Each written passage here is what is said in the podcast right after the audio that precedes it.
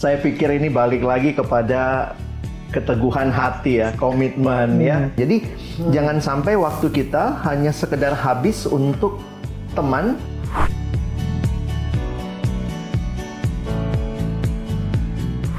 Gimana ya kalau lagi nginap dengan teman-teman, terus kadang tidak punya waktu yang berkualitas untuk saat teduh dan Bible reading?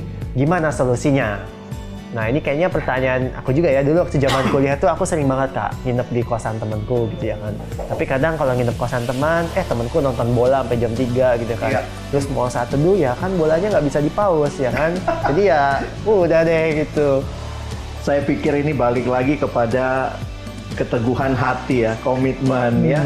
Saya pikir teman-teman eh, sebenarnya bagus juga ya kalau semua teman yang nginep diajak saat teduh ya.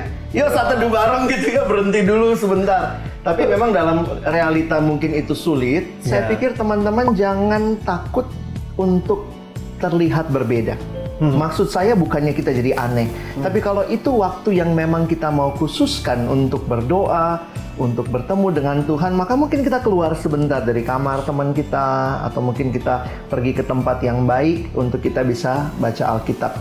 Karena saya melihat dalam menjalankan ibadah, saya pikir Tuhan juga merindukan kita benar-benar punya waktu yang disisihkan. Jadi jangan sampai waktu kita hanya sekedar habis untuk teman, tapi kita lupa nih, Tuhan juga mau kita bisa memberi waktu untuk dia.